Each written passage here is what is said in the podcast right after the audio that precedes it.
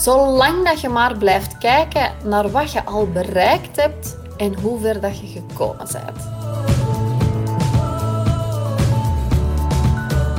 Nu, ik ben de voorbije week twee dagen naar een eh, business event geweest aan mijn eigen business coach. En ik wil daar vandaag eh, mijn drie belangrijkste inzichten over delen.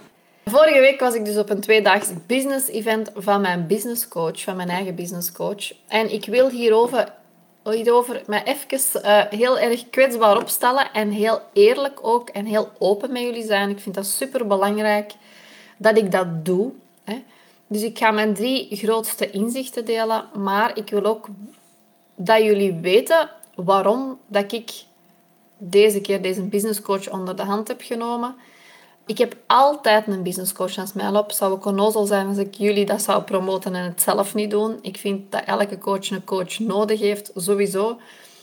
En altijd eigenlijk voor een andere reden. Dus in het begin was dat van, oké, hoe moet ik hier nu gaan opschalen? Hoe moet ik hier nu voldoende geld verdienen als coach? Nu, dat is van de baan. Ik weet ondertussen hoe ik geld moet verdienen, dus daar heb ik geen business coaching meer voor nodig. Waar ik wel een business coach voor nodig had, vorig jaar, ben ik ingestapt omdat ik toen vond dat ik te weinig grenzen stelde in mijn bedrijf, dat er te weinig regels waren en ik vond mezelf een beetje te lieflijk. En ik had dus op die vlakken nog wel wat te leren. Vooral over dat grenzen stellen en dat leiderschap nemen. Nu, ik was al een leider, maar ik vond dat dat nog beter kon. Want ik heb altijd zo'n soort van aversie gehad tegenover de baas spelen in mijn bedrijf. Ik ben zo wat liever de vriendin. Ik wil liever de persoon die graag gezien wordt. En dat had ik al op heel jonge leeftijd. Ik was 23 toen ik baas werd van een bedrijf. En ik wou gewoon, ja, een van hen zijn. Altijd. Hè.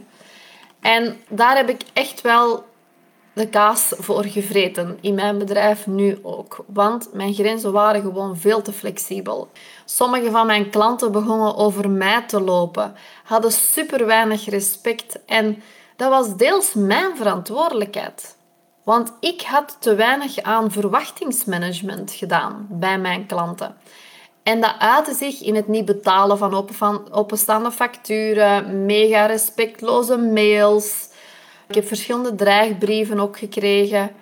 En als ik eerlijk ben, eind vorig jaar heb ik echt gedacht aan ermee stoppen. Omdat ik ben heel... Ik ben een heel gevoelig persoon. Hè. Ik ben super hoogsensitief. Maar natuurlijk, wij als coaches, als er iemand commentaar heeft op onze diensten, en dat mag maar één iemand zijn, want ik heb het hier ook over heel weinig uh, mensen, en dan mogen er nog honderd mensen tevreden zijn als er één iemand zoveel moeite doet om u klein te krijgen, of om, ja, om zich tegen u te keren om een of andere reden. En dat, dat is deels ook mijn verantwoordelijkheid, want ik heb het niet goed aangepakt, of ik heb deze persoon toegelaten hè, in mijn coachbedrijf ja, ik was daar gewoon vorig jaar zo klaar mee. Dat het zo ging. En dat er zo mensen... Ja, of, of dat, ik, dat ik het zo verkeerd had aangepakt. Ik zal het zo zeggen. En hiervoor was ik nu helemaal geen coach geworden. Maar als iemand jou aanvalt als coach, dan is dat rechtstreeks op u als persoon. jij voelt je aangevallen. Ik voelde mij ook echt aangevallen als persoon, ik ben mijn dienst. En ik vond dat ik alles gegeven had. En ik vond dat een hele moeilijke om mee om te gaan. Dus ik zocht eigenlijk iemand die naast mij kon lopen weer in mijn bedrijf en die mij daarin kon begeleiden. En die tegen mij zei van oké Sophie, je moet helemaal niet opgeven. Er is één iemand misschien ontevreden geweest of er is iets gebeurd of jij hebt niet goed genoeg aan verwachtingsmanagement gedaan. Maar, hè. Dus ik, ik, ik vond, vind het gewoon fijn om altijd iemand naast mij te hebben lopen die mij daarin steunt. En ik moest het gewoon anders gaan doen. Ik moest niet opgeven, ik moest er niet mee stoppen. Ik moest gewoon bepaalde kleine dingen eigenlijk anders gaan doen in mijn bedrijf. Dus uiteindelijk besloot ik om dus een nieuwe business coach onder de arm te nemen, te leren welke grenzen dat ik wilde stellen en hoe ik vanaf dan mijn leiderschap zou gaan opnemen binnen mijn bedrijf. Waar dat ik de regels van opstel. En ik ben zo blij dat ik dit gedaan heb, want kijk nu, we zitten ondertussen al met 70 coaches in deze mooie groep en ik kan daar gewoon niet dankbaarder voor zijn. Maar weet dat dat ook niet altijd zonder slag of stoot geweest is. Ik vind het ook wel belangrijk dat jullie echt wel weten ja, wat er allemaal speelt ook vaak. Dat het voor mij ook niet makkelijk is.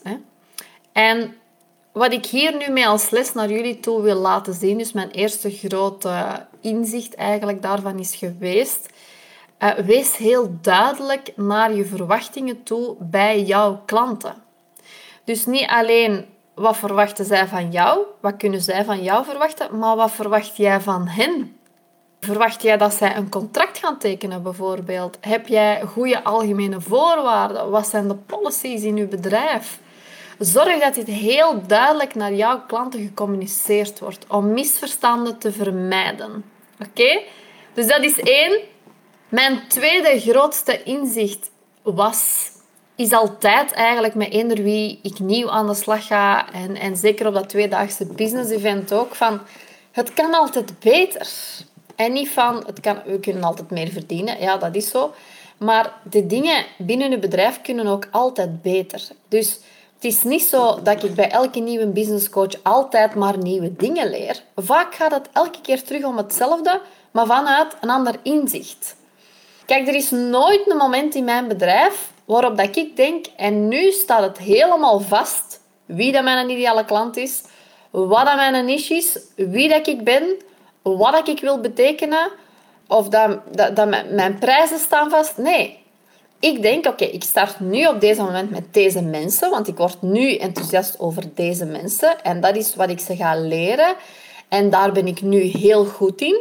Maar ik ben ook continu aan het tweaken van al deze dingen. En dat is ook iets waar we ons vorige week mee hebben bezig gehouden. Van wie is nu mijn ideale doelgroep? Past die nog bij mij? Wie is mijn niche? Wat kan ik daar nog aan verbeteren om zo nog meer mijn ideale klanten te kunnen dienen? kan ik nog iets waardevollers maken voor hen, zodat ze nog tevredener zijn.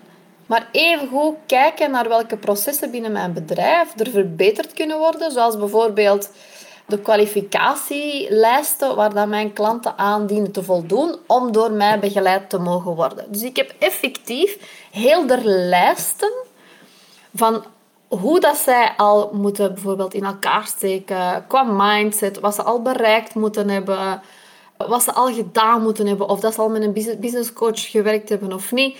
Dus dat zijn allemaal kwalificatielijsten die ik heb, waarvan ik ga kijken, oké, voldoet die persoon eraan? Ja, dan nee. Oké, dan mag die instappen of niet.